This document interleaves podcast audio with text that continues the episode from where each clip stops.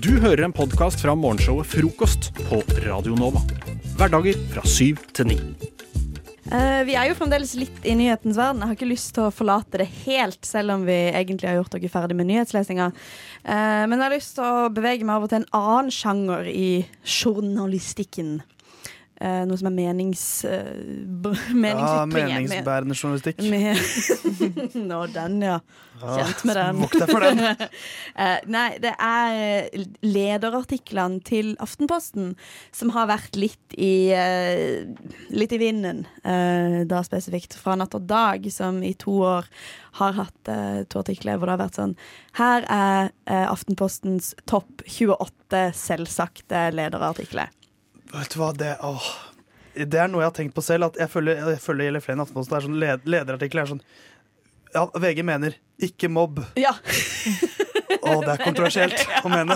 Men eh, hva er lederartikler, da? Eh, Hva er det du lederartik- definerer eh, uh, lederartikler er skrevet av eh, en ansatt i eh, Aftenposten eller hvilken som helst eh, avis det skulle være. eh, som er mer en sånn Det er en kommentar på ny- en nyhetssendelse. Så istedenfor at man liksom skal være objektiv journalist, så går f.eks. en politisk leder inn og sier 'dette mener jeg om denne spesifikke saken'. Eh, ja. Men det blir på en måte ofte sånn avisens altså Det er jo på en måte avisens offisielle mening òg, Ja, på saken. så Dette er vårt standpunkt Ja. om dette kontroversielle temaet. Da. Ja. Uh, og så har uh, Natt og Dag kritisert av spesifikt Aftenposten. Det er jo som du sier et fenomen eh, i andre aviser òg, at det da blir litt sånn Det er skummelt å ta et standpunkt. Det slår inn åpne dører. Ofte. ja, man kan Ja. Man tar ofte standpunkter som kanskje ikke er så veldig kontroversielle. Og det vises litt i titlene, eh, mener Natt og Dag. Eh, så de har samla eh, over to år eh, opptil 50 eh, lederartikkeltitler. Som de har vært helt sånn Ja, det er vi ganske enig i at eh, Ja, det var ikke så kontroversielt å si. Så det jeg skal gjøre nå er at jeg skal presentere saken for dere. Okay. Gi dere tre alternativer, så skal dere gjette hvilken tittel som er rett. Ja. Første sak er forsvarsminister Frank Bakke-Jensen fra Høyre, dette her er en sak skrevet i 2019, har de siste ukene fått kritikk for utkastet til ny lov om Etterretningstjenesten, som vil gi Etterretningstjenesten eh, lov til å høste og lagre metadata om norske borgeres kommunikasjon i halvannet år. Ikke sant. Hva tittelen Aften A.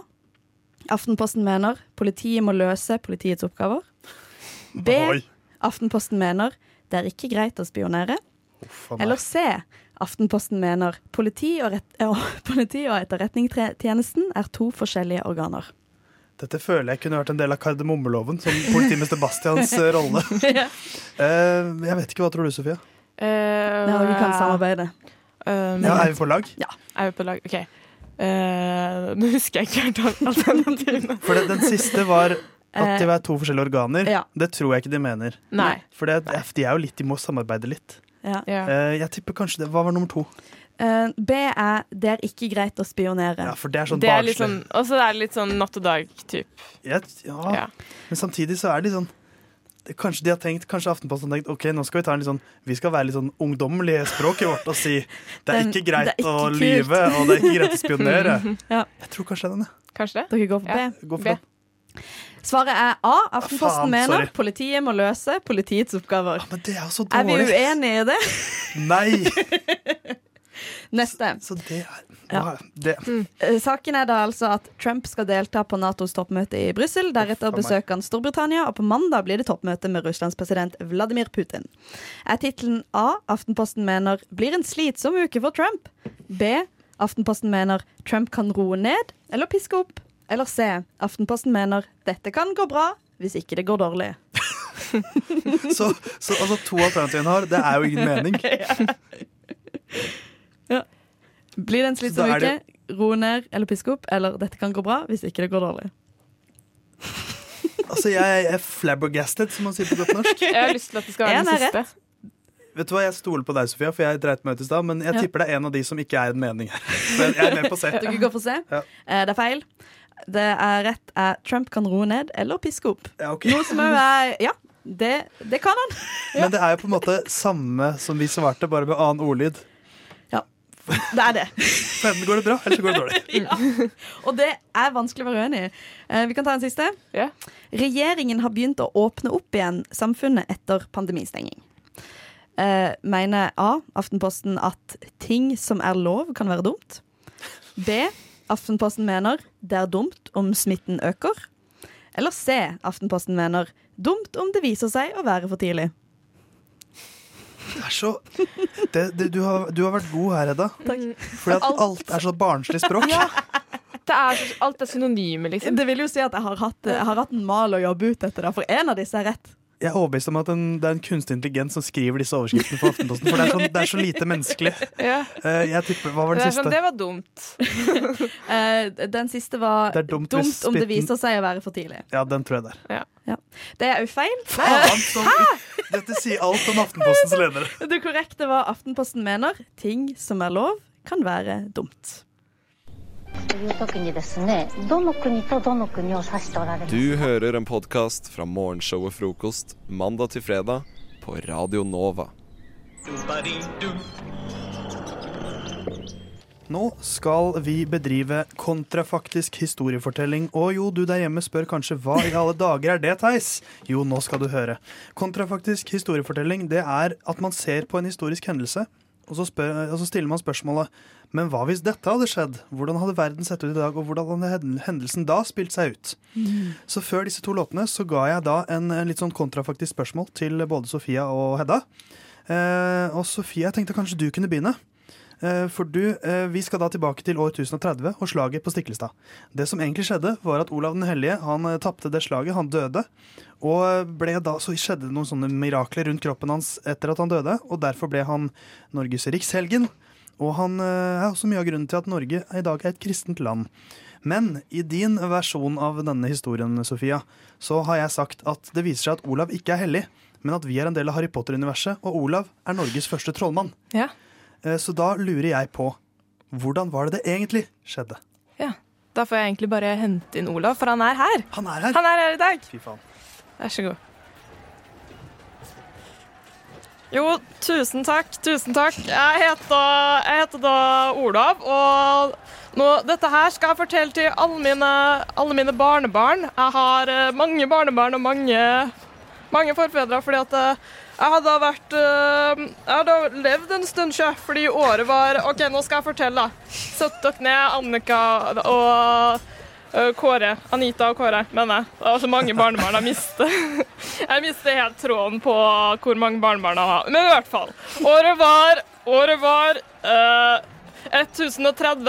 Jeg var kong Olav. Jeg fikk mye hat, mye hat fordi at jeg gikk med en, en flosshatt som var liksom, så ut som en trollmannhatt. Altså, det var litt, sånn, det var litt sjalusi, fordi det var en ganske kul trollmannshatt. Men uh, de trodde også jeg var trollmann, og de, de visste ikke at de hadde sant, selv om jeg sa nei jeg er ikke en trollmann. Så hva, hva er det dere kødder med nå? Eh, Så da gikk det noen rykter, og det gikk ikke så bra. Jeg ble utvist, men jeg kom da tilbake. Eh, Jeg hadde med meg 360 eh, forskjellige menn mot da dobbelt så mange bondehærer. Eh, Da gikk det faktisk helt fantastisk, fordi jeg, vi, vi var jo trollmenn, og så vi bare, vi bare simsalabim, og så var alle borte, og så gikk det helt Det gikk dritsmooth. Nei, nå begynner jeg å snakke som barnebarna mine. Men, det, ja, så det, det gikk ganske bra, sjø. Og så, øh, gikk det så smooth fordi de visste ikke at jeg var trollmann, hvis det var et spørsmål. Uh, første trollmann, uh, check, det gikk bra. Um, ja, så da, da har jeg bare én ting å si, kjære Kåre og Anita. Dere får sjekke på spisebordet, det ligger noen brev der, sjø. Så eh, litt koselig. Det er koselig fra bestefar Olav. Takk for meg. Åh, det er altså Tenk at Olav den hellige er Norges første trollmann, og så snakker han så folkelig. Eh, for de som lurer på hvorfor eh, Sofia nå la opp på trønder, så er det jo helt riktig, for Siklestad det ligger i Trøndelag. I dag i Verdal kommune. Så eh, tenk at vi fikk, vi fikk rett og slett et, et tidsvitne her, for Olav den hellige lever fortsatt. Ja, skulle ønske det var sannheten. Eh, men, eh, men Hedda, i din virkelighet så er jo, var det noe annet som skjedde. For Olav den hellige han overlevde slaget ved Stiklestad også hos deg. Men det var fordi like før slaget så fant han en AK-47, altså et uh, maskingevær. Nettopp. Så da lurer jeg på, Hedda, hvordan var det slaget ved Stiklestad egentlig fant sted? Dette her er mer som en intern uh, indre monolog i Olavs hode. Der lå jeg med et spyd i låret. Alt håp er ute. Alt jeg ville bli, var konge. Er det så galt, da? Men så ligger jeg her, på Stiklestad, døende. Men vent. Hva er det jeg skimter under denne bjørkekvisten? Det er sort og langt og gir meg, som mann, en mektig og god følelse inni meg. Jeg strekker bort armen og tar tak i denne djevelske tingen. Er det det det er? En maskin laget av Satan. Men jeg, som vil være Guds mann, tør jeg. Men jeg tar på den. Og med en gang føles mitt lem dobbelt så stort. Alle mine mindreverdighetskomplekser svinner hen. Jeg trykker på knappen, og foran meg faller alle menn på kne. Jeg er mektigst. Jeg er best.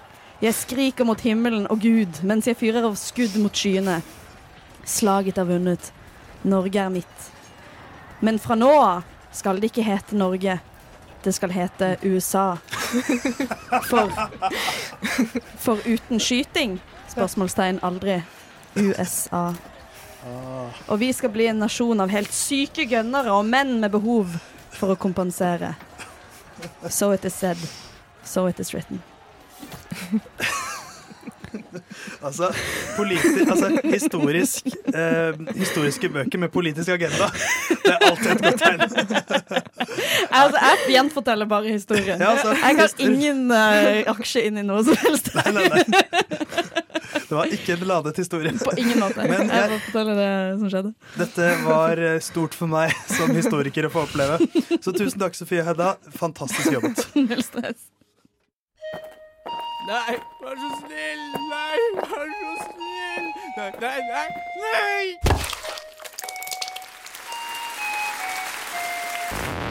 Mens man i middelalderen brukte morgenene til å kutte hodet av mennesker, bruker vi det i dag heller på å høre på frokost på Radio Nova.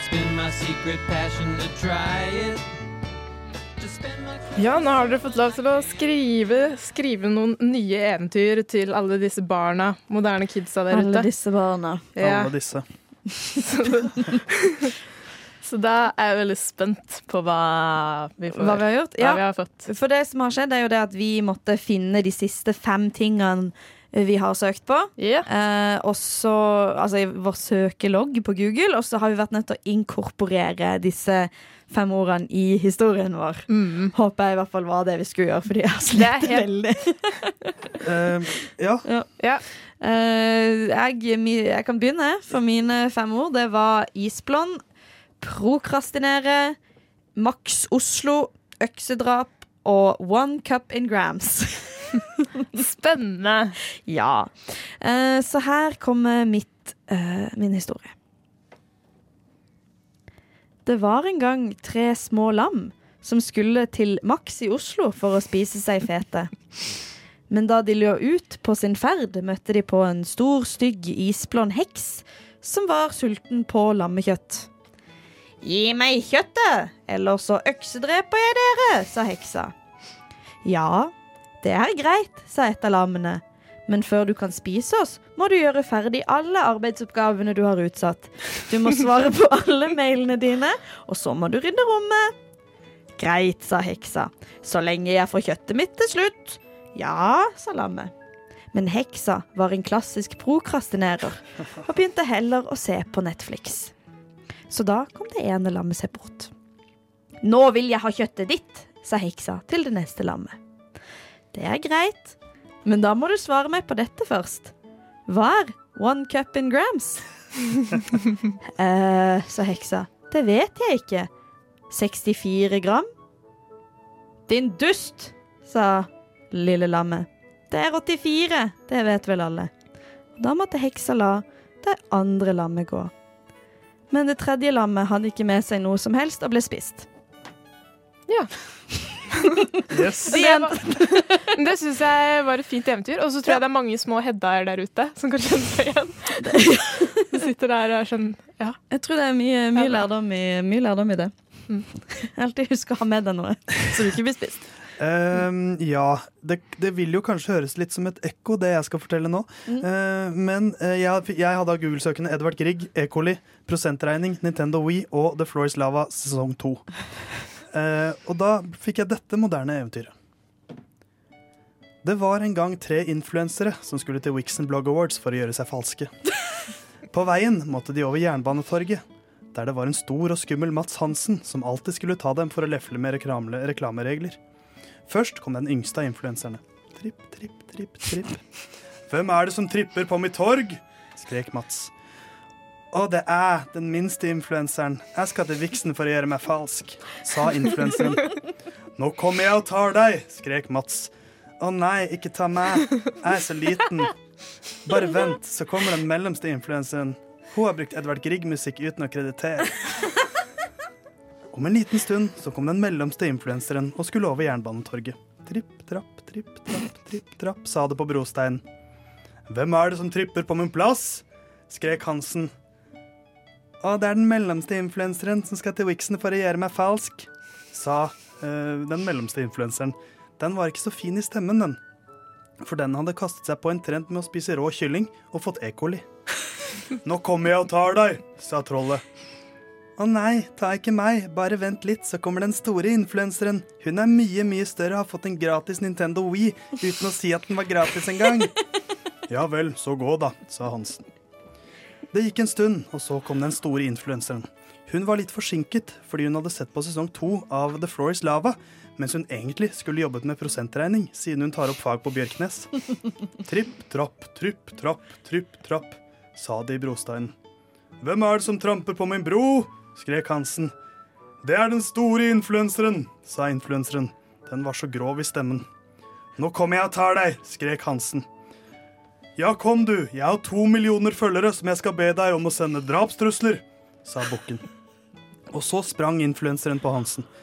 Men det viste seg at hun hadde vært på fest i en grotte på Sankthanshaugen kvelden i forveien. Der hadde hun fått både kulosforgiftning og covid-19, så i kampen så tapte hun fordi hun slet sånn med pusten. Men hun fikk sin hevn post mortem. Mats Hansen, han døde av covid-19. På Wixen Blog Awards så vant den lille og den mellomste influenseren én pris hver, og fikk mange nye følgere. Og snipp, snapp, sute, så var dette bloggeventyret ute. Din Studiofitte. Plakatvegg. Helvete satans kukksugere. Kokksneisjer. Din snusfaen. Kabeldritt! Posehue. Tobakksnyter. Morrabilde. Teipedust. Ditt inngrodde legghår. Faen, din kukksneiser, Vannefaen! Vannefaen! Vannefaen! Vannefaen! Vannefaen! Bannefaen! Jeg heter Ane, og jeg elsker å banne. Sigrid, elsker du å banne? Ja, faen! Jakob, elsker du å banne? Fy faen, jeg elsker det, ass. Men er ikke de gamle banneordene litt oppbrukt, kanskje? Jo, Dritkjedelig. Ja, så nå skal vi ta saken i egne hender her. Vi jobber med å lage en eh, banneordbok som eh, du kan ta med deg eh, inn i dagen, kjære lytter. Kommer vel ut på Faens forlag til våren. Rett nettopp. Eh, Så vi jobber da på spreng for å få, for å få inn alle de nye banneordene. Det fungerer på denne måten at vi skal gi hverandre en situasjon. Og så skal vi sette et eh, banneord på den situasjonen. Så man må virkelig føle på situasjonen. Eh, kjenne den i kroppen. Kjenne aggresjonen eller gleden eller et eller annet. Vet ikke, folk banner i forskjellige situasjoner. Og så smekk kommer det ban banner. Det er ingen regler. Det kan være på hvilket som helst språk. Klar som faen, Kan jeg komme med en utfordring til deg, Jakob? Jeg får gjøre. Du går nedover bokstaven. Mhm. Og så har du på deg hvit bukse. Ah, søren, altså. Plutselig så har du blødd gjennom og får kraftige mensensmerter. Ah. Hva sier du da? Mensenflekk! Mensenflekk. Mensenflekk. Mensenflekk. Det er med F-L-E-C-K, ikke sant? Eh, Flekk. Flekk. Mensenflekk! Mensenflekk. Det er litt sånn hvis du hvis noen uh, Hvis du er litt sur på noen, da, og så slår deg, du gi en liten mensen frack. Ah, faen, den fungerer på flere Oi, måter. oi, Da. oi. Flere nivåer. Jakob, kanskje du vil gi meg en situasjon? Ane, du er glad. Du har akkurat blitt ferdig med en siste eksamen før sommeren. Du, du er glad, fri, frank. Skal ikke ha sommerjobb til sommeren. For det er nok penger. For en drøm. Skal ut og reise. Den der nå turen du bestilte til Granca, den går om to dager. To dager går. Du møter opp på flyplassen. Du skal til å sjekke inn bagasjen din. Så ser du. Flyet ditt gikk jo i går. Hva sier du?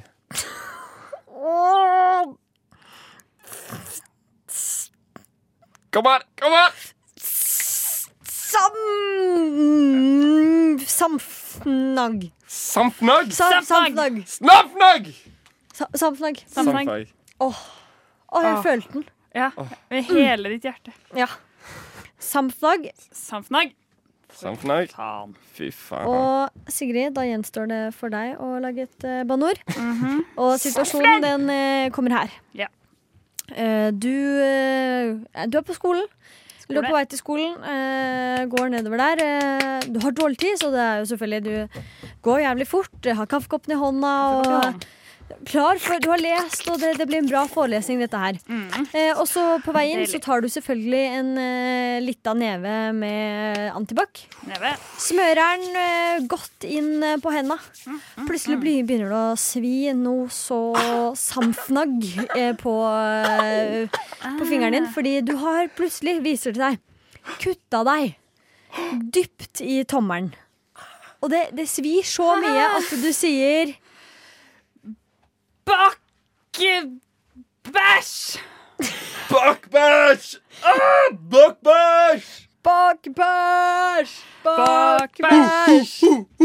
Å, herregud, fantastisk. Da, da har vi tre nye banneord. Ja. Ja. Rett og slett. Da er det eh, mensenflekk med Flekk. CK. Flick. Vi har samfnagg og bakke, bak, bakkebæsj. Var, var det bakkebæsj eller bakkebæsj? Bakk med BAC, selvfølgelig. BAC. Bakkebæsj. Og de kan du ta med deg inn i eh, Inn i dagen. Så kos deg med de.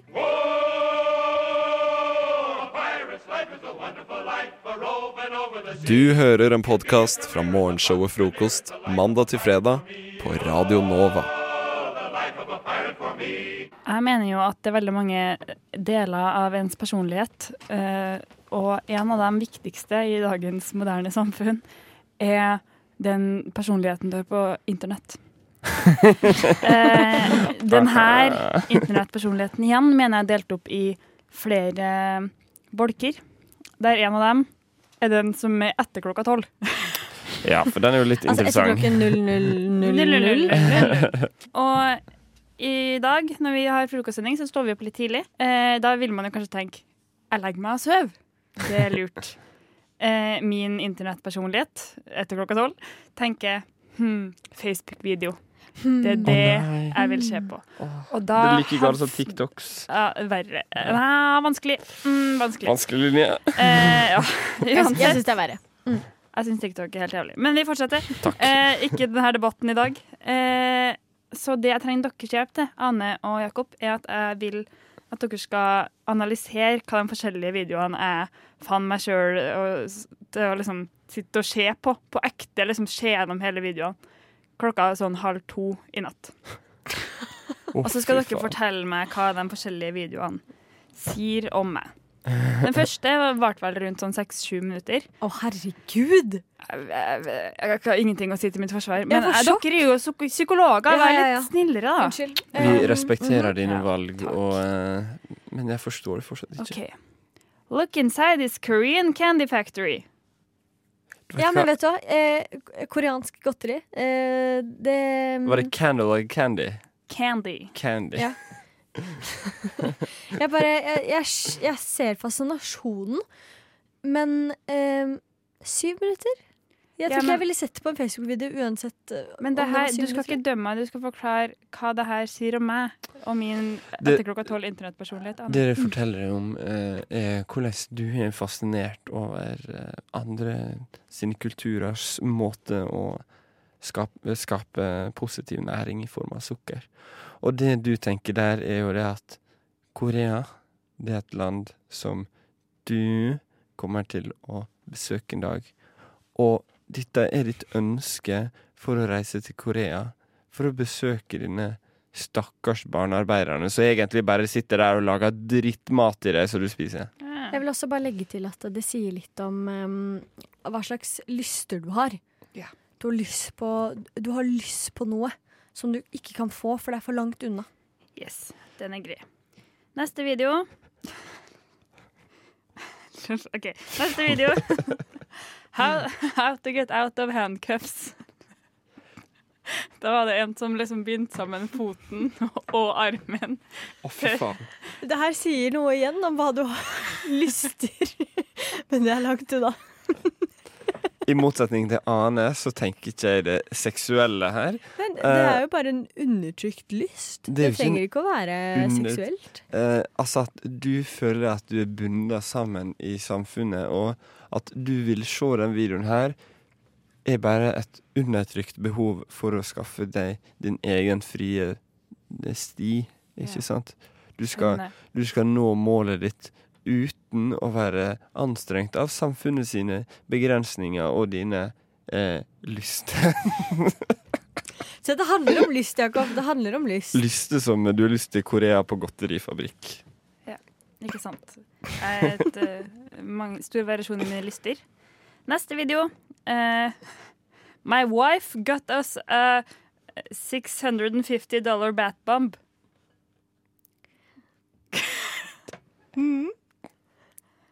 Å, fy faen. Det, Eh, det går bare- på karusell. Jeg, jeg, kan, jeg kan ikke noe for det. Det var sånn Regnbuen var litt kul, men 650 er veldig masse penger. Du eh, har et eh, behov som du ikke klarer å få dekt. eh, og det er å eh, finne deg en mann som blir sur på deg hvis du bruker 650 dollar på en bathbomb. Og det forteller deg at du, eh, du setter deg i den situasjonen eh, til både mannen og kvinna i det forholdet der gjør, som gjør at du ønsker å få et, eh, et behov dekka. Det jeg tror Jeg vet jo, Sigrid, at du har vært eh, en del på Lush for Mm. å skaffe eh, ASMR-vennlige såper, i hvert fall. Ja. Eh, og jeg tror, at, eh, jeg tror at dette Hvis jeg skal se sånn rent eh, psykologisk sett på det, så, så ville jeg tenkt at eh, det er lenge siden du har besøkt Lush. Og Lush, ja. det, dette er egentlig Lush som, som eh, sniker seg inn i algoritmen din og sier du må, Vi savner deg. Å, det er hyggelig. Mm. OK, en siste. Den her er den lengste, da. Men den har jeg sett flere ganger. eh, Det gjør ikke det bedre. eh, how to make a vegan egg. Den tror jeg varer i sånn elleve minutter. Men det er tasty, og jeg er veldig glad i tasty. Men dette her handler om din sekundær sosialisering. Eh, hvordan du har blitt eh, oppvokst eh, på grønne behov, og ikke de, eh, de plastikkbehovene og forbrukersamfunnet som du ikke føler at du er en del av. Ergo så finnes det ingenting som er et vigenegg, Det er bare en vill fantasi som ikke eksisterer i det sosialdemokratiske samfunnet som vi lever i. Og derfor tror, tror jeg Jeg tror at du har et behov som ikke kan dekkes. Altså I det freudiansk, freuda, freudianske eh, perspektivet så betyr det egentlig bare at eh, Altså, du er fruktbar. Ja. Det er et egg på vei ut av eggstokken din, og det er eh, din måte den måten den sier fra på. Kroppen din, altså. og det er vegansk. Vegansk egg på vei fra min eggstokk. Ja, men takk, da fant jeg ut av det. Så greit. Snakkes på Facebook klokka halv to i natt. Frokost. Vi hjelper deg å bli kvitt morrabrødet. Hverdager fra klokken syv. Frokost på Radio Nova.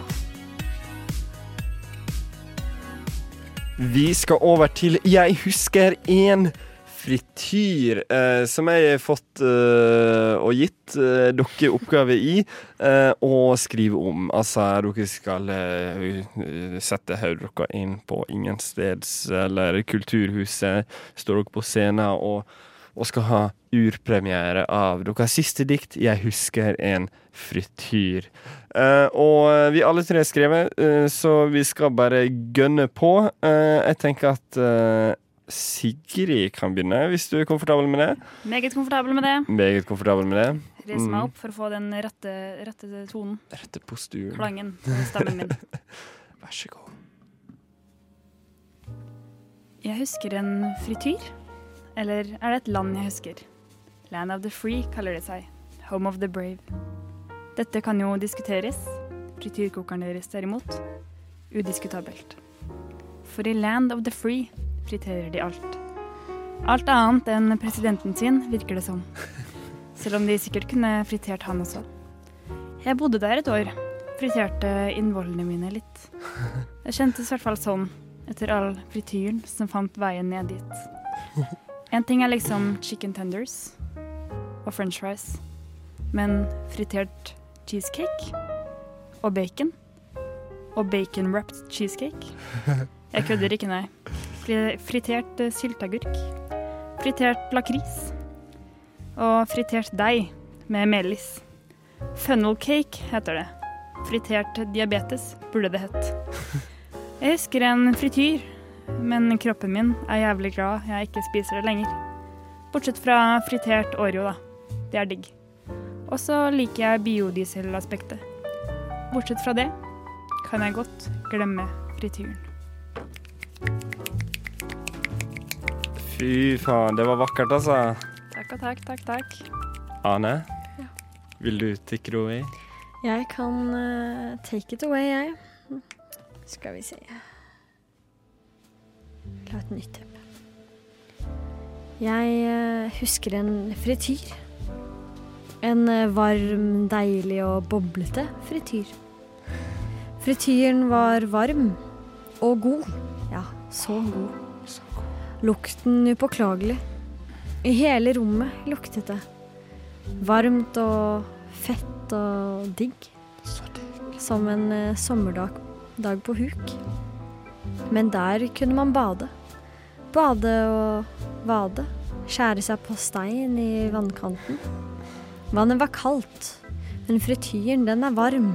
Og huden steker, og maten steker, og DJ-en steker. Armene over hodet. Bassarm og BI. Hjem for å sove nå. Forbi Beirut på Bislett. Inn i varmen. Frityr. En stor pommes med ost og grillkrydder. Vakkert. Sinnssykt vakkert. Å, fy faen, så flinke dere er. Men jeg er jo også eh, Du var så flink. Min, uh, nei, det er, det er ikke meg å si. Det må dere fortelle meg. Ok da. Uh, OK. Jeg husker en frityr. Frityr. Frytyr? Ytriff. Nei, Vold. Vi skal ikke ta det nå. Hvalens kall skal det handle om. Alt du vil, og alt du kan. Fritere. Uten diskusjon. Uten å tenke. Uten å få. Men du får, og det går inn. Langstrukket inn. Så langt. Så langt det kan revne. Så langt inn at hjertet sprekker av fett. Og spekk dannes. Dannes uten formodning i virkeligheten. Dannes som en hval som danser, og kjøttet spekkast. Friterast. Spisast. Fortærast. Ganges. Forvoldes. Beites! Av oss. Jordens hval.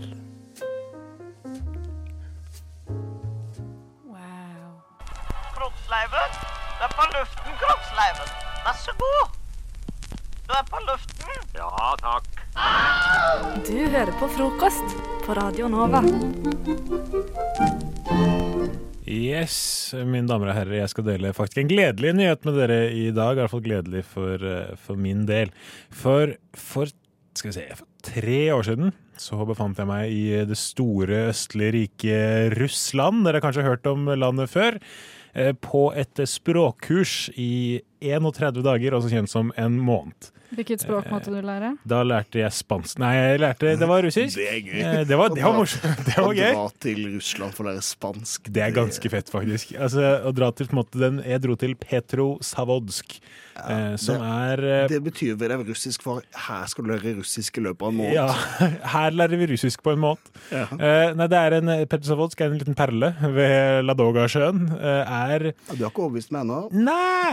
Det er, det, det er liksom litt kjent som det beste jeg klarer å på en måte Jeg, jeg tenker at det er eh, Russlands eh, Arendal. eh, På, på den måten at det er veldig mange russere som drar dit på ferie. Så det er sånn feriehussted.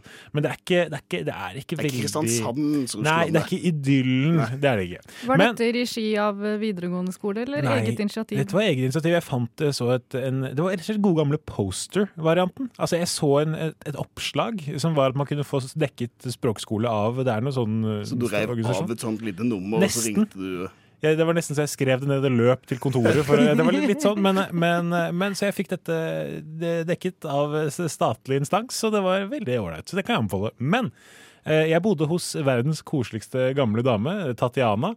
Eh, bare meg og henne en hel måned i leiligheten hennes. Eh, hun snakket ikke et ord engelsk, jeg snakket ikke et ord russisk, men vi fikk det til å funke. Eh, per altså, ble rasende hvis ikke jeg spiste 2000-3000 kalorier til hvert. Forbanna altså, Til slutt så måtte, jeg bli, så måtte jeg bli sint og si at jeg, kan- jeg kan ikke spise så mye. Du måtte slå på ordboka. Ja. Njet!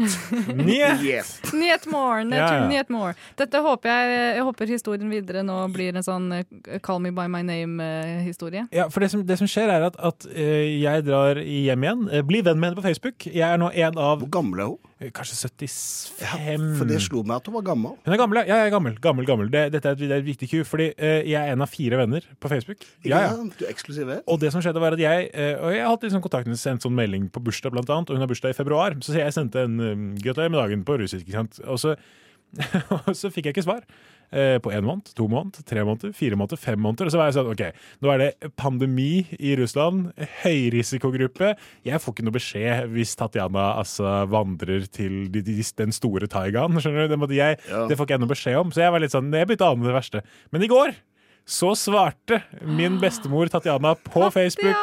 Og hun er jo aldri da inne på Facebook eh, for å snakke med andre enn meg, fordi hun er venn med eh, naboen, eh, Ja. datteren, datterens mann og meg.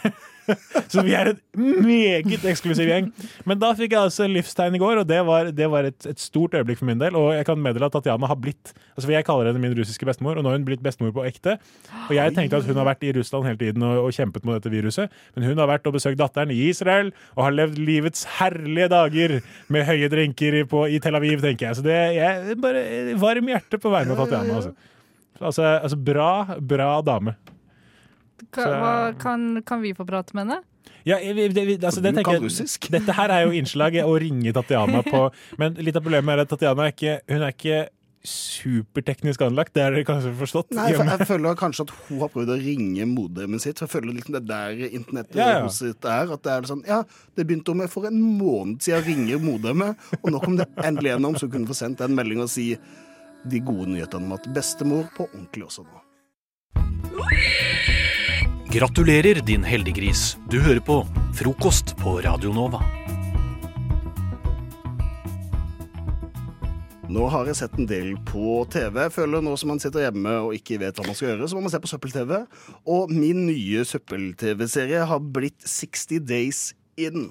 Som er rett og slett en TV-serie der eh, sivile folk frivillig går i fengsel for å hjelpe en eller annen sheriff i USA med å finne ut hvorfor det skjer litt sånn lugubre ting i fengsel. eh, hvordan folk får smugla inn dop. eh, hvilke gjenger som er der, hvem er sjefene i disse gjengene og sånn. Så da har de et filmteam sammen med disse her og har plassert masse kamera rundt i fengselet. Og når jeg så på det, tenkte jeg "Mm, hvem hvem hadde jeg vært i dette fengselet her? Fordi i denne sesongen her så har de en ganske fin variasjon av folk. Det som går igjen i flere av disse, det er at de er enten alenemødre, eller så er de eksmilitære, så er det noen politi som har vært inne, men så har man også Mark, som er med da i sesong fem, og han er med fordi han er superfan av 60 Days In. Så han Oi. har sett alt av 60 Days In, og han har fått lov til å bli med fordi han da føler seg så ekspert. Men han er en ganske overvektig fyr som virker Ja. som at han har ikke noe liv utenom å se på 60 Days Oi, In. oi. Så han kommer liksom der og føler at han har kontroll, for han har, han har sett alle knepene. Så når han da blir stilt til veggs der inne, så er han ikke så høy i hatten Nei. fortsatt. Og han er egentlig mer til hinder enn han er eh, til eh, noe hjelp. Ja. Eh, Og formålet med dette er at de da blir sendt inn med et oppdrag. Og så da hjelpe denne sheriffen, eller warden, eller hva det skal være, for å hjelpe, finne ut hvor, hvordan ting skjer. Og da i sesong fem så er det eksempel tre damer som kommer inn på den eneste kvinneavdelinga. Da får de beskjed dere må ikke flokke dere sammen. For da blir folk mistenksomme. Og det første hun ene gjør, syns det er litt kjedelig å være aleine som ny. Så det går bort og begynner å snakke med de andre. Ja. Og hva skjer da? Jo, da begynner jo folk å bli skeptiske. Hvorfor plutselig to hvite og en mørkhuda snakker Ja. sammen? Fordi i fengsel så er det det, er det mest rasistiske stedet som fins. Altså, for å kunne gjøre America great again, så må man, øh, og for Black Life Matter, så må man fikse fengselet. Det er tungt i fengsel her. Fordi det, det er så rasistisk. Det, og de hvite mener jo at alle mener at de er best, men alle de hvite har jo hakekors på seg, så du må være, du må være så rasist for å være i fengsel. Og tenkte at hvis jeg havner i fengsel, så jeg har jo ikke lyst til å være på lag med de hvite. For jeg støtter jo ingen av de meningene de står for i hele tatt. Og da blir det sånn nei, du må tatovere svastikaen på kassa for å få lov til å bli med. Og det hadde jeg ikke klart eh, å gjøre. Men jeg, da jeg tenker på, hvis vi da havner i fengsel akkurat nå for å være med i Six Days In, hvordan ville du eh, vært, eh, Lisa, i, i dette fengselet? Åssen jeg hadde oppført meg? Ja, og hvor, hva hadde du sagt var grunnen til at du var der inne? Jeg tror jeg hadde sagt at jeg, ha, at jeg uh, åp openly planla mord på min, min ektemann. Uh, og jeg, men jeg drepte ham aldri. Nei. Jeg bare uh, fortalte ham hele tida åssen jeg skulle drepe ham. Hver dag ved Ja. frokostbordet. Ja, det var det du mente. Ja, ikke sant. Ikke hvis du, 'Jeg har spist den pannekaka nå, jeg har putta gift i den', hehe. Eller har jeg det? He -he. Terrorisert ham hver eneste dag. Ja. Får du street creds òg, og da tenker folk du er gæren. Ja, at jeg er gæren, med det. ikke sant? Og um, så i fengsel så tror jeg at det, at det egentlig er taktikken videre Ja. også. Å bare være litt eh, Oppføre seg litt som en sinns, sinnssyk person. Ikke en sånn derre mentalt syk som i eh, engstelig eller Nei. deprimert, Nei, men, nei. men litt sånn hører stemmer eh, i veggene og Men noen ganger har sånne, sånne øyeblikk hvor man er helt hva heter det, lucid og sånn Da tror jeg du har passa godt inn i kvinnefengselet, for da er det mye gale folk som begynner å skrike plutselig. Og Ja. det er mye mer volum i kvinnefengselet. Og det er mye slenging. You're a bitch. Mm. Bitch. Ja. uh, og, altså, det, er, det er så uh, Du er en bitch. stereotypisk. Eh, så mye drittsleng og, og så mye lugging og sånn. Og det, det er liksom sånn Hvorfor kan de ja, ikke prøve lugging er så jævlig. Ja. Det jævligste med barneskolen og ungdomsskolen var lugging. Ja, og det gjelder også kvinnefengsel. Ja. Altså, det er det barneskole, ungdomsskole og kvinnefengsel har til sammen. Har hatt til Lugging. felles. Lugging. Nei, altså, selv, Jeg føler at vi må i hvert fall legge til, til grunn at dette er et amerikansk fengsel. Hvis det er sånn Halden-fengsel, så er det sånn Nei, for det er Jeg går og maler litt, jeg, hvis noen vil være med nå på stua. Så. men, ja, det er bare opp suger sugerør. Men, nei, men, eh, men jeg tenker jeg ville gått for en litt sånn white color-variant. Jeg ville eh, jeg lånte en bok på biblioteket, og så bare leverte jeg den aldri tilbake. Nå skylder jeg 400 000 i purregebyr til Bærum bibliotek. Så da er det bare rett til San Quentin, faktisk. Utleveringsavtale mellom USA og Norge.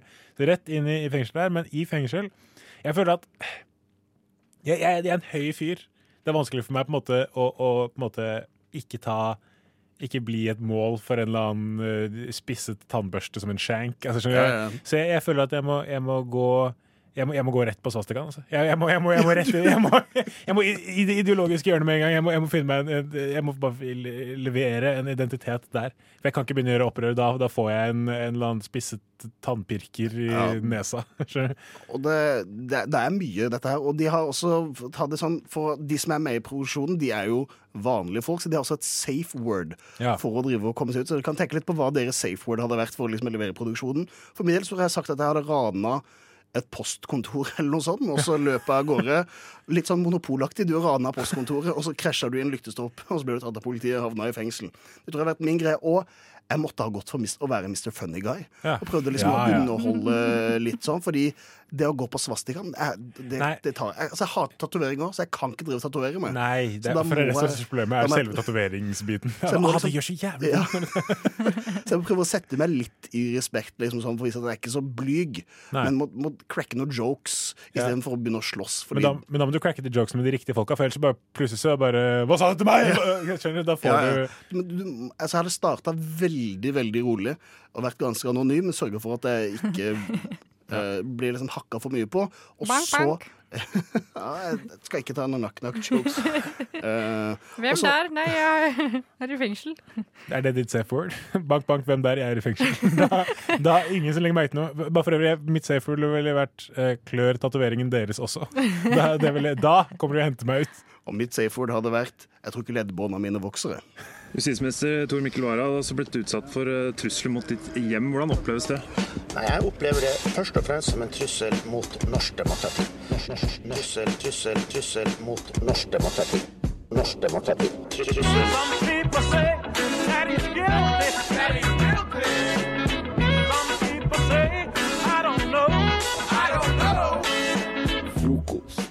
Beskytter demokratiet. Hverdager fra syv til ni. Og det er derfor jeg pleier å ta eh, filmmanus, eh, kjente scener, kjøre dem gjennom Google Translate noen runder, og så presentere det for dere ved å gi dere manusene, og så skal vi sammen da framføre. Ja, og så blir det radio! Og så blir det radio, og så er vi gode venner, og så er jeg ikke ensom lenger. Og atter en gang er det jeg som leser sceneanvisningene, og så er, har, har jeg tildelt eh, roller til eh, deg, Christian, og deg, Anders. Og så kan du, kjære lytter, være med på å gjette hvilken film det er, eh, etter at vi er ferdig med framføringen. Fint. Og vi sier vær så god. Christian åpnet døren. Å, unik! Hvordan har du det? God natt. Kom igjen. Jeg mottok et brev. Å, jeg trodde det. Christian lukker døren hvis de ikke prøver. Er hjemmet ditt eh, her? Ja, jeg har tillit nå. Jeg gjorde det igjen. OK, du er gal. Men ikke gi meg et sjokoladeskall. Ja Takk skal du ha. Jeg spiste litt. Han gjorde kristne sider til notatbøker. Hei, jeg beholdt, jeg beholdt utklippsboken din. Utklippsbo, utklippene dine og alt. Hvor er du? Dette har jeg arbeidet ditt. Arbeidsledige i lang tid. Tor, hør. Anders, jeg vet ikke hvordan jeg skal si det, men jeg bare Jeg vil be om unnskyldning for at jeg noen ganger har gjort mot deg, fordi jeg har vært komfortabel i Døren smalt. Da jeg åpnet døren, kom Lisa inn. Hei. God morgen! Christian tar tak i gutten. Hallo! Jeg er en gammel venn i Alabama. Hvordan har du det? Hør, neste uke vil systemet mitt være annerledes. Det vil, det vil jeg kunne, men takk for at du valgte. Ikke noe problem. La oss flytte. OK. Lisa lukker døra og peker på Anders. God morgen! Hun Anders, god venn. Jeg respekterer ham. Hei, Anders. Ha en god natt. God morgen. Kan du se på TV nå? Ja, det vil du. Anders junior løp til et annet rom og slo av TV-en. Kristen mor! Jeg er moren din. Han heter Anders. Som meg. Jeg kaller ham pappa. Han har en far. Han heter Anders. Du er faren hans, Anders. Anders fortsatte å stirre på Anders junior. Anders så overrasket og begynte å trekke seg tilbake. Alle ser på. Se på meg. Anders, har du ikke noe med det å gjøre? Gjør han? Du gjorde en feil, ikke sant? Han så på Anders junior fra et annet rom. Er det ikke vakkert? Den beste skjønnheten jeg noensinne har sett, men ja, han vet. Veldig smart. Den beste i klassen. And scene. Her var det mye å ta tak i. Ta tak i. Kan jeg bare, bare Det første jeg vil på en måte se etter, er Jeg har en gammel venn i Alabama. Ja. Er det noe vi kan bruke til noe som helst? Ja, det er, er et veldig sterkt hint, faktisk. OK. Det, er, det er et av de hintene jeg ikke fikk vekk. Ja, nettopp. Ja. Klarte ikke å få med vekk den der Alabama. Nei, for Alabama, selv om du oversetter det til swahili, japansk og så russisk, så blir det fortsatt Alabama. Det skulle man trodd. Mm. OK. Nå skanner hjernen min seg gjennom alle filmreferanser jeg vet om, Ja. om Så her det er det altså to stykker som prater sammen, hovedsakelig. Ja. Og så Det ser ut som det er en som kommer på besøk. En som kom på besøk. Ja. Altså, Sier du at dette er lett bare for at jeg skal føle meg nedrig, Ja, Lisa? For uh, fordi jeg har ingen Altså, jeg, nå skulle jeg håpe at jeg kunne drive og låse litt, og så kan jeg bare si jo, jo, men det er den filmen. Jeg har ah, altså, Når jeg leser dette her, så er jeg så opphengt i å lese. Jeg bruker alle kaloriene mine bare på å få fram ordene. Fordi setningsoppbygninga sånn er jo ikke alltid uh, Setningssyntaksen er ikke alltid like på plass. Uh, så jeg, det krever for mye av meg når jeg leser det, så jeg må lese det på nytt for å føle, føle å ha noe ekspertise. Men, Anders sitter nå her, og han har ikke gitt opp riktig ennå. Men, men ja, for, for jeg, vil, jeg vil fortsette, for jeg tenker hvis vi retter fokus til mot siste del, hvor eh, han har en far han, det, Alle dette Anders fortsatte å stirre på Anders junior. Hvor er det på en måte For dette må jo på en måte være noe. Det føler jeg Altså ja, her er det et barn, ja. eh, Ja. Ja. Et barn som har blitt oppkalt etter Anders. Ja. Men det er nok flere enn meg som sitter og får vite hva det er. At vi tror ikke vi skal holde det så mye lenger på pinebenken. Altså. nå skal jeg ikke prøve meg engang. Jeg- okay, Hvis jeg sier disse ordene Sjokoladeskall Sønn Alabama Veldig smart, den beste i klassen Charles Sjokoladefabrikken. Dette er Forrest Gump Ah, der var den! Der satt den. Ah. Nå går frokosttoget! Alle om bord! Jeg har en, eh, en historie med stevnemøteapplikasjonen Tinder. Ai, ai, ai. Eh, ja, men, Ikke noen noe skam i det. Nei, men det har eh, alle. Det har vel du og Sigurd, har du ikke det? Jo, men jeg tror dine er ganske mye lenger. Jeg er ikke like lang som Theis sine. Nei, Eh, ikke snakk om mine lenger. min- Eh, i, på Tinder så legger man til en beskrivelse av seg selv, eller det man så populært kaller en bio. Eh, og jeg har samlet fem av mine eh, siste Tinder-bioer. Eh, Her har det vært mange, skjønner jeg. ja, men det her er i løpet av ja, ett og et halvt år, kanskje. Det er ikke fem så mye. Nei, nei, nei, det kommer an på hvor forskjellig det er. Det er, ja, det er litt forskjellig. Jeg vil si det er litt forskjellig. Nå tar jeg det i tilfeldig rekkefølge. Eh, den her uh, er kanskje den som har funka best, men den som egentlig er verst. Fordi det var noen som Tinder-rapa meg på jobb. Så den ene bioen min er hi-hi, tisse-tisse, bæsj-bæsj. Ikke sant? Og den har funka dritbra, altså. Da tror jeg du, du spiller på, på en måte Jeg tror du prøver å si at jeg er litt barnslig. Uh, du kan ta vare på meg. Ja, det, det kan godt Men hende. syns du det sier en del om uh, landets swipende kvinner at den Ja. her funker best? Ja, Eller kanskje det er uh, så useriøst at det blir bra. Men det er noe av det mest fuckboyete jeg har hørt. Hi-hi, tisse-tisse, bæsj-bæsj? Ja, jeg synes Det er utrolig Det, det oser fuckboy av den statusen der, syns jeg. Hæ? Jeg får se, jeg tipper jo at det kommer til å bli mer det verre. Nei, jeg syns det bare går oppover herfra, altså. Um, eh, den andre er uh, 'Jeg kan være din farinfar'. Den syns Altså, jeg, jeg, jeg hadde Jeg hadde falt mer for den. Du hadde det, ja? En, en bæsj, Ja, for det, det, her er det en som kan litt språk. Altså, ja, det, er, det, det tyder på en litt, litt intelligent humor.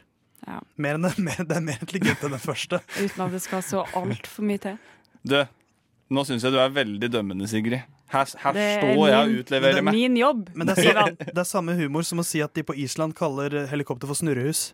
Eller- Så det er liksom som å si bare sugar daddy, så, så sier du farinfar isteden. Ja, det er sant.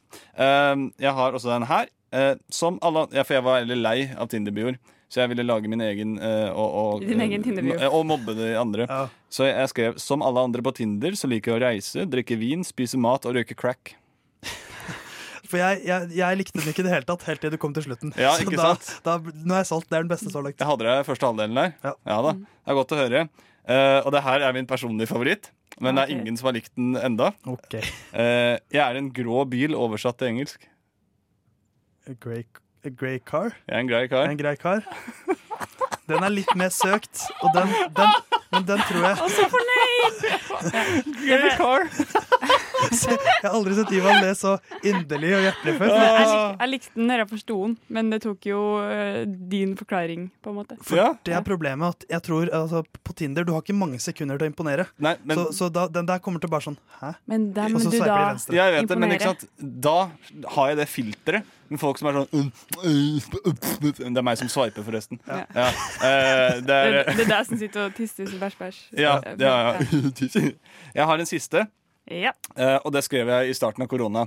Det er eh, korona matata. Jeg ser etter noen å vaske hendene med. Den var fin. Den var Enkel og fin. Jeg likte den forrige bedre. Du gjorde det? Ja. Jeg liker her er eh, crack best. Du likte cracken best, ja? Som Ja, jeg men det, å si. er- det er jo typisk deg. Det. Ja, det er typisk deg. det. Dra cracken bort av glasset. Ja. Vet du hva, Den syns jeg den burde spare til desember. Ja, jeg skal gjøre det. ja. God morgen. Har du sovet godt? Å, godt å høre. Skal vi høre på frokost sammen? Ja, la oss, eh, la oss gjøre det.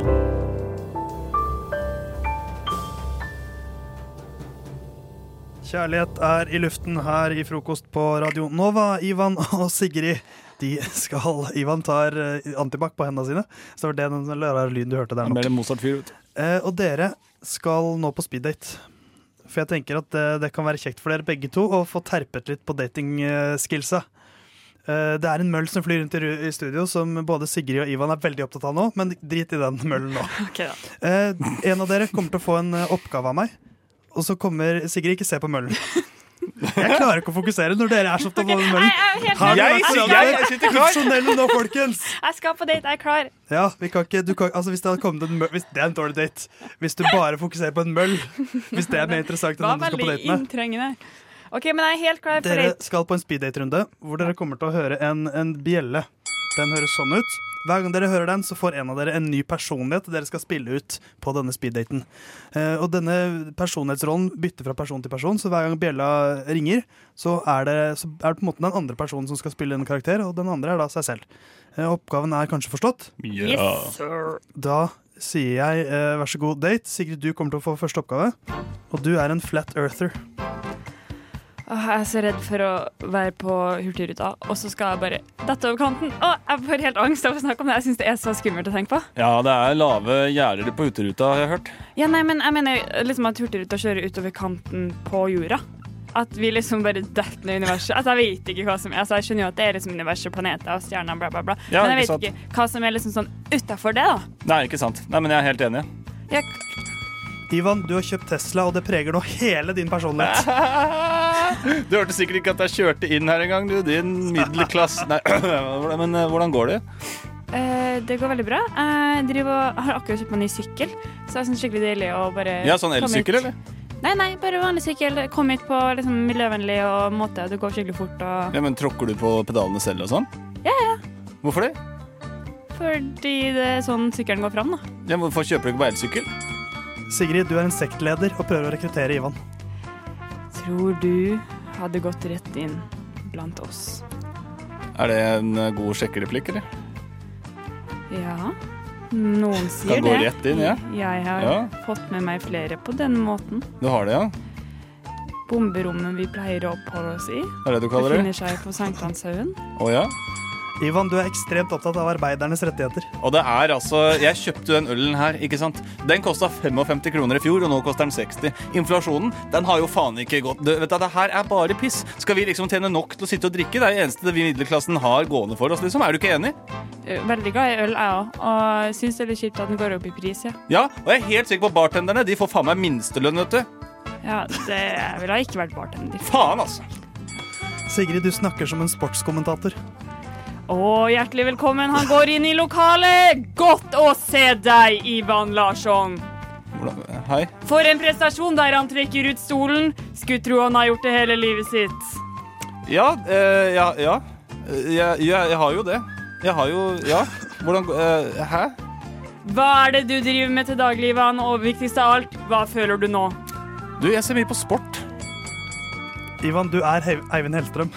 Og jeg er drittlei av kaffe. Ikke fordi den er vond, men fordi jeg ikke får sove. Ikke sant, men eh, Tror du at du kunne ha lagd middag til meg en gang? For du er sikkert grei å lage Jeg kan godt være mat. kokken din i helvete. Og sin, vi tar den der. Eh, vet du hva, Ivan? Bra. Øyvind var veldig bra! Jeg er imponert. Ja, jeg er verdens største fanboy, da. Nei, jeg syns dere leverte veldig, veldig godt. Eh, Sigrid, du er nok trygg på Hurtigruta. Og Ivan, du er ikke kokken min. Eller i overført. I helvete.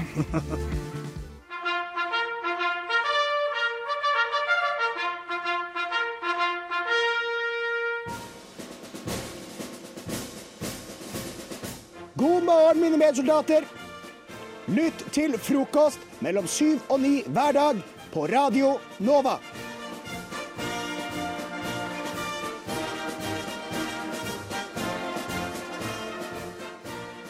Like før de her to låtene så sendte jo jeg ut eh, eh, Agent Theis og Agent Ivan på grotte... Jeg mener for å undersøke tilfluktsromanen, der eh, type grottefester finner sted.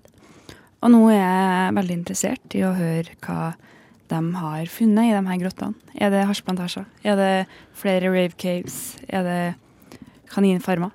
Jeg vet ikke. Men dere vet, Theis, du som har vært ute i felten. Uh, agent Magelsen, reporting for duty.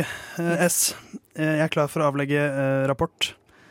Når- Som jeg ønsker å fortelle i, i, eh, i nåtid. Ja. Så vi går inn medias race her. Det gjør vi. Så dette er min historie om hva jeg oppdaget. Det var en mørk og stormfull aften. Jeg hadde ikke vært i Trondheim siden 2013. Da var jeg møkk lei studiene på NTNU. Sivilingeniørlivet passet ikke meg. Jeg la meg hardtrening. To år i Forsvaret, tre år på Politihøgskolen, ett år som vekter, da. Nå med fast jobb i Kripos. Mitt første store oppdrag festningen i Trondheim. Det var kommet rapporter om eh, mystisk aktivitet. Jeg tok flyet til Værnes og en taxi inn til Solsiden. Det regner, ironisk nok. 15 minutter bruker jeg opp til festningen. Jeg bruker ikke lang tid på å finne den skjulte luken jeg fant på noen gamle plantegninger. Ved den hvite festningen midt i parken. Jeg klatrer ned en velholdt stige, ned i det mørke indre av Kristian 5.s festning. Fakler langs veggene. Det er ikke lenge siden det var folk her. Et stort kammer åpner seg foran meg. Jeg hører en lav messing. Menneskestemmer. Unisont i takt. Så blir det stille. Jeg gjemmer meg bak en av de store pilarene som omkranser det runde rommet. Det jeg ser når jeg titter fram, sjokkerer meg. Et rundt bord med syv kappekledde skikkelser. Brødre og søsken, sier en av skikkelsene. Endelig er det vår tur til å ta over Norge. Kappene slås tilbake. Jeg tror ikke mine egne øyne. Trine Skei Grande. Bjarne Brøndbo. Marit Bjørgen. Den gamle biskopen Ole Kristian Kvarme. Erlend Lo. Jean Thorsvik. Petter Northug. Med noe hvitt pulver foran seg. Og i den store stolen, mannen som snakket, Trond Giske. Jeg er så sjokkert at jeg ikke hører skrittene som kommer bak meg. Og så blir alt mørkt. Wow. Og da er det kanskje et paradoks hvordan jeg kom hit, men Ja. eh, du får kjøpe min selvbiografi, Ja. som eh, avslører alt jeg så der. Mitt liv i Trøndelag. Eh, ja. Ja. Spennende. Tusen takk for eh, din rapport, agent Magelsen. Agent Larsson, har du gjort noen interessante funn i grotter og tilfluktsrom? Det har jeg, og jeg vil gjerne dele. Oslo sentrum. Liten middelklasseleilighet. Festen var grei, den. Alkoholen fløt rundt. Jentene var pene, og musikken, den var god. Men stemningen Det var den jævla stemningen. Den var god, men det var bare ikke ekte guttastemning. Jeg sa til folkene rundt bordet mitt at jeg skulle på do, men lite visste de hva jeg egentlig skulle. Byrået mitt har installert en spak i hver eneste norske husstand som fører til nærmeste bunker. Men ikke hvilke, hvilke bunkere som helst. Nei, her snakker vi om dunkebunkere. Jeg trekker i riktig spak denne gangen, Kronk. Jeg suser ned sjakten, mens kjenningsmelodien til Total Spice spiller sparepodsene. Endelig er jeg her. Dunkebunkeren. Det dunker i både lunger og rumper. Det er fly flyt av alt du vil. Drugs, øl og guttastemning. Kan det bli bedre, tenker jeg. Men hva er det jeg ser? Nei. Hvem er det jeg ser? En, en kjent kommunal skikkelse trer frem. Trine Skei Grande. Hva gjør hun her? Hun, hun sleker salt fra magen til en halvnaken dame og dunker ned en shot med tequila. Jeg hører en, en sprudrende latter bak nakken min, og en, en sterk lukt av sprit siger seg inn gjennom nesa mi. Trygve Slagsvold Vedum? Nei, vent. Faen. Jeg ser meg rundt. Her er jo hele regjeringa. På DJ-bordet står Jens Stoltenberg med masse striper kokain, og innerste siggehjørnet står Siv Jensen med hver sin glowstick. Her er det noe muffens. Men det er et problem. Jeg sliter med å puste. Jeg ser meg febrilsk rundt etter en utgang, men jeg tror det bare er én. En hvit klut dukker opp foran øynene mine. Jeg husker ikke mer. Alt jeg vet nå, det er at festen er overalt i media, og at alle regjeringens festdeltakere nå kritiserer den festen de selv var på. Dette her, det må jeg bunns i. Det er altså et, eh, et stort oppdrag landets kommuner og politidistrikt har foran seg når de skal undersøke resten av de her bunkerne. Mine herrer, vi stanser ikke før det blir natt. Hva med frokosten? Dere har allerede spist den. Vi har hatt én, ja. Men hva med den andre frokosten? Jeg tror ikke han kjenner til den andre frokosten, Pip. Hva med formiddagsmat, lunsj, ettermiddagsmat, middag og kveldsmat? Han kjenner til de, gjør han ikke det? Jeg vil ikke regne med det. Han har nok bare hørt om frokost på Radio Nova. Pippin! Mens du hørte de siste to låtene, så har Hedda, si hallo, Hedda. Hallo. Og Synne, si hallo, Synne. Hallo. De har uh, sittet og forberedt eh, hver sin appell, eh, fordi de har fått oppgave å nominere en ny kandidat hver til tittelen 'Norges nye nasjonalkjendis'. Er det, har det gått fint? Ja, jeg føler meg ganske trygg på min kandidat. Ja, min kandidat er bankers, altså. Men det er mye følelser og kanskje litt mindre fakta. Men eh, det er vel det nasjonal følelse handler om. Det er nettopp det. Ja, ikke sant? Ikke det at jeg støtter deg, jeg skal jo vinne, men det er nettopp det. det er søt og snill. Er det en av dere eh, nasjonalister som føler dere eh, veldig kalla til å starte med sin appell? Det utveksles blikk.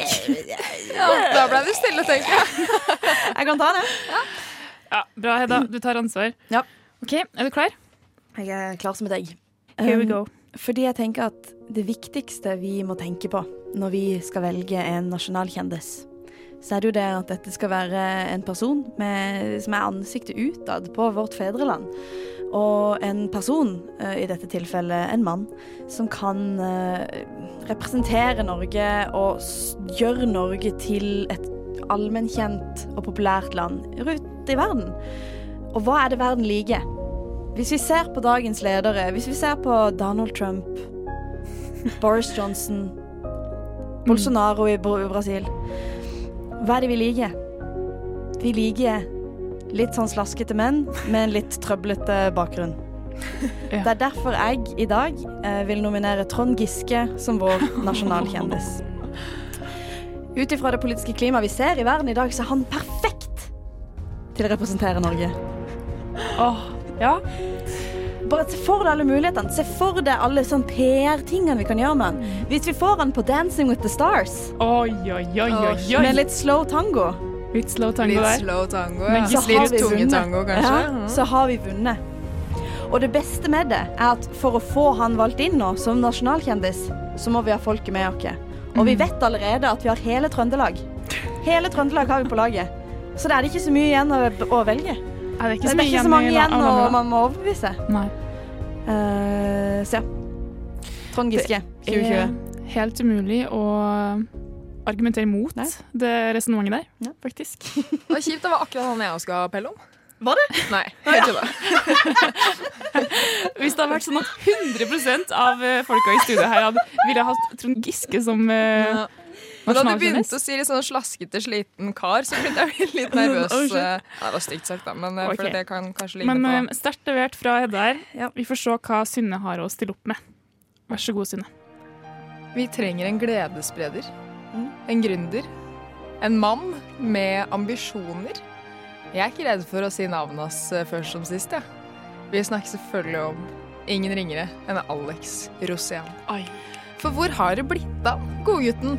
Han som spredde så mye latter og glede og litt sånn folkelig røykoste på Norske Talenter som dommer. Han har jo gjort så mangt. På hans egen hjemmeside forteller han om stå-på-vilje og mot. Han holder foredrag, han har spilt i band, og han holder foredrag om Enda flere. For eksempel hans reise med båten Berserk til Nordpolen, og hvordan han har mista jobben i NRK sju ganger. Men han reiser seg opp igjen og igjen. Det her er en nordmann som ikke er redd for vårt største landrovdyr, isbjørnen. Fordi han har til og med sammen med kaptein Jarle Andøy og David Mercy, eh, som da var iført vikinghjelm og syngende opera, de har skremt isbjørner. Kødda med dem litt, fått litt kritikk. Men Alex Rosén, han driter i det. Han bare han bare lager sin egen vin, han. 2007. En liten rødvin på sneip og si er det noe vi nordmenn liker bedre. Det her er mannen som kan alt. Og hvor er han nå? Bor han i ei brakke? Bor han i ei hule? Jeg veit ikke.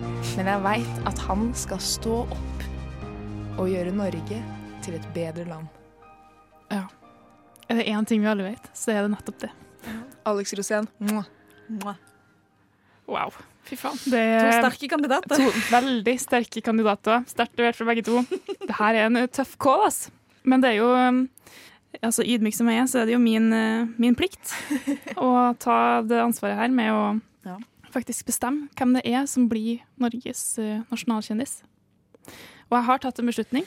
Jeg har veid for og imot. Kommet fram til et resultat. Og det her er resultatet.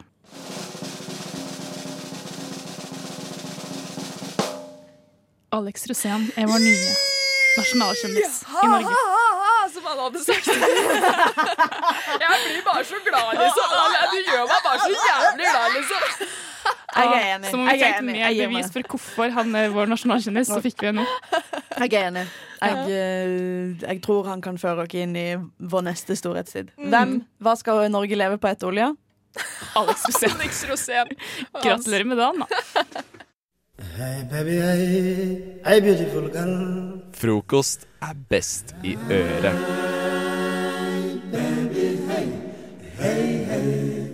Hey beautiful girl.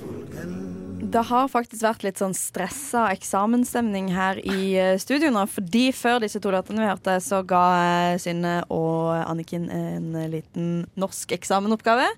Der jeg ga de to Tinder-bioer som jeg ønska at de skulle diktanalys diktanalysere på de vanlige diktanalysemåtene med komposisjon, symboler, metaforer og denne type ting.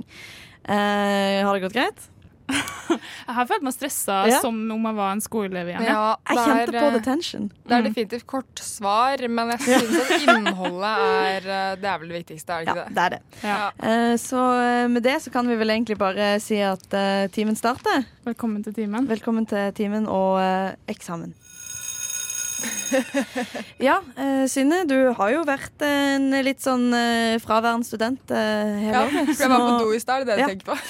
Eh, så nå er det kanskje på tide at du eh, henter, henter inn og redder norskkarakteren din Ja. eh, med denne eksamenen her. Eh, du ble bedt om å eh, eh, analysere et dikt. Kan du fortelle meg litt? eh, hvordan, eh, hvordan var diktet til å begynne med? Ja, nei, jeg kan jo rett og slett lese det opp. Eh, Det er Menn kan kun føle to ting. Kåthet og sult. Ser du meg uten en stiv penis, så lager du bare et smørbrød til meg. Mm, ikke sant, ja. Sterkt. Eh, nå vil jeg gjerne høre din diktanalyse til det, da. Ja, det skal du få. Eh, vel, eh, sjangeren er jo definitivt moderne. Det kommer i form av eh, Tinder-bio. Et Mm. eh, medium som er ganske nytt, men veldig interessant sånn eh, nå i dag. Mm. Eh, jeg vil si at det går på grensa til samtidslitteratur. Mm. Eh, for det hele framstår som en reaksjon på dagens samfunn og hvordan kjønnenes roller Mm. har smelta litt sammen. Noe som ikke nødvendigvis er en god ting i forfatterens øyne. Eh, eh, for her er det jo det her med at eh, han går tilbake til urmannen. Han går tilbake til reptilhjernen. Ja, tar avstand fra det moderne og går tilbake til røttene. Men samtidig så bruker han et ganske lurt virkemiddel for å gjøre ordlyden mindre kritisk og mer spiselig. Eh, han går jo for eksempel for, eh, for stiv penis, da, som jeg syns er ganske interessant. Eh, for her, vi skjønner jo hva han mener, det er jo ereksjon. Eh, men det er så stiv penis. Jeg syns det er så underfundig, liksom. at det, det vekker nysgjerrigheten min, da. For han kunne gått for pikk, lem, stake, monsterkokk, ikke sant. Men han gikk for stiv penis. Eh, og det knytter det hele sammen, da. Han virker på en måte litt som en godgutt. Til tross for at det ikke er det som er diktets rammer. Ja.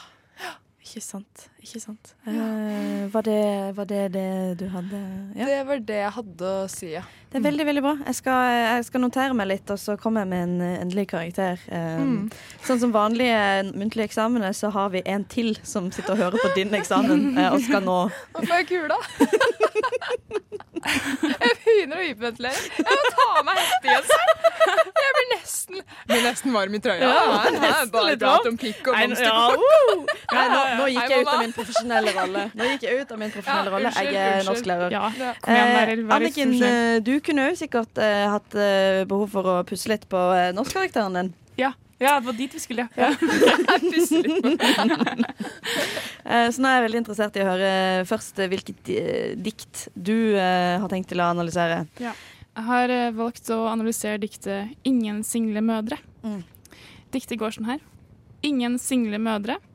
Dersom du hadde vært et kupp, som du påstår, så hadde han vel ikke dratt sin vei og forlatt deg og ungene. Diktet er i sjangeren sass, diss, men med undertrykt kink. Tilsynelatende så ser det ut til å være et dikt som er kritisk til single mødre, kritisk til kvinner med barn generelt. Men egentlig så er det skjult, eh, skjult budskap mellom linjene i det diktet her. Det største virkemidlet er nemlig tvetydighet. Fordi ingen single mødre, hva betyr det egentlig? Jo, det betyr vel egentlig at de bare ikke kan være singel. Mødre kan de være. Ikke sant, ja. Jeg ville bedt deg, Synne, om å være stille i timen. Ah, unnskyld. Vi ser også tvetydigheten senere, lenger uti i diktet. Takk forresten, frøken, for at du Whatever. Kan vi, kan vi få kasta ut ord, eller? Ja, nei, jeg vet det. Altså. Jeg tror, jeg tror har litt Ja, nå, vil jeg, nå vil jeg faktisk gjerne ha ro, og så vil jeg at det her skal bli tatt med i betraktning når du setter karakter på, på fremførelsen. Naturligvis, naturligvis. naturligvis. Ja. Eh, oppbygginga, komposisjonen, er det ingenting å skryte av. Den starter med en emoji. Mm. Verste emojien man kan velge. Et rødt kryss. Slutter med en emoji. Mm. En helt uinteressant emoji som er en, en fyr som står med, du vet, begge armene i været som for å gjøre en shrug. Mm. Mm. Ingenting som fatter interesse. Ingenting som er utfordrende for leseren. Mm. Her er det litt å hente. Ja, jeg skjønner. Det var min eh, diktanalyse. Ja, takk. Av ingen single mødre. Veldig bra. Gratulerer med overstått eksamen. Eh, jeg har eh, vurdert litt, og nå har jeg bestemt meg for å gi karakter. Eh, Synne, du eh, gjorde det veldig bra. Eh, Åh. Veldig, veldig bra. Men eh, så var du litt eh, urolig i timen, og det kan jeg Ja. ikke akseptere. Eh, så da må jeg rett og slett ta deg fra en sekser til en femmer. Ah, okay. Men det er likevel veldig bra, Synne. Jeg tror at dette her kan Du har en stor karriere innen diktanalyse. Jo, som åpenbart er noe vi kommer til å trenge videre. Diktanalyse? Ja, ja, ja. Fire. Karakteren du får, er fire. Eh, Anniken, eh, du får òg en femmer. Savna Ja. litt eh, snakk om eh, eh, sirkelkomposisjon. Og symbolikk. Eh, men annet enn det, så Har du huska å ta med i betraktning at jeg hadde en forstyrrende medelev i rommet? OK, du kan få en sekser. Takk. Takk, frøken. Nei, jeg kjente send noe mail til ledelsen her, altså. Ha, ok, ha en god sommer. Tusen takk. Ha det bra.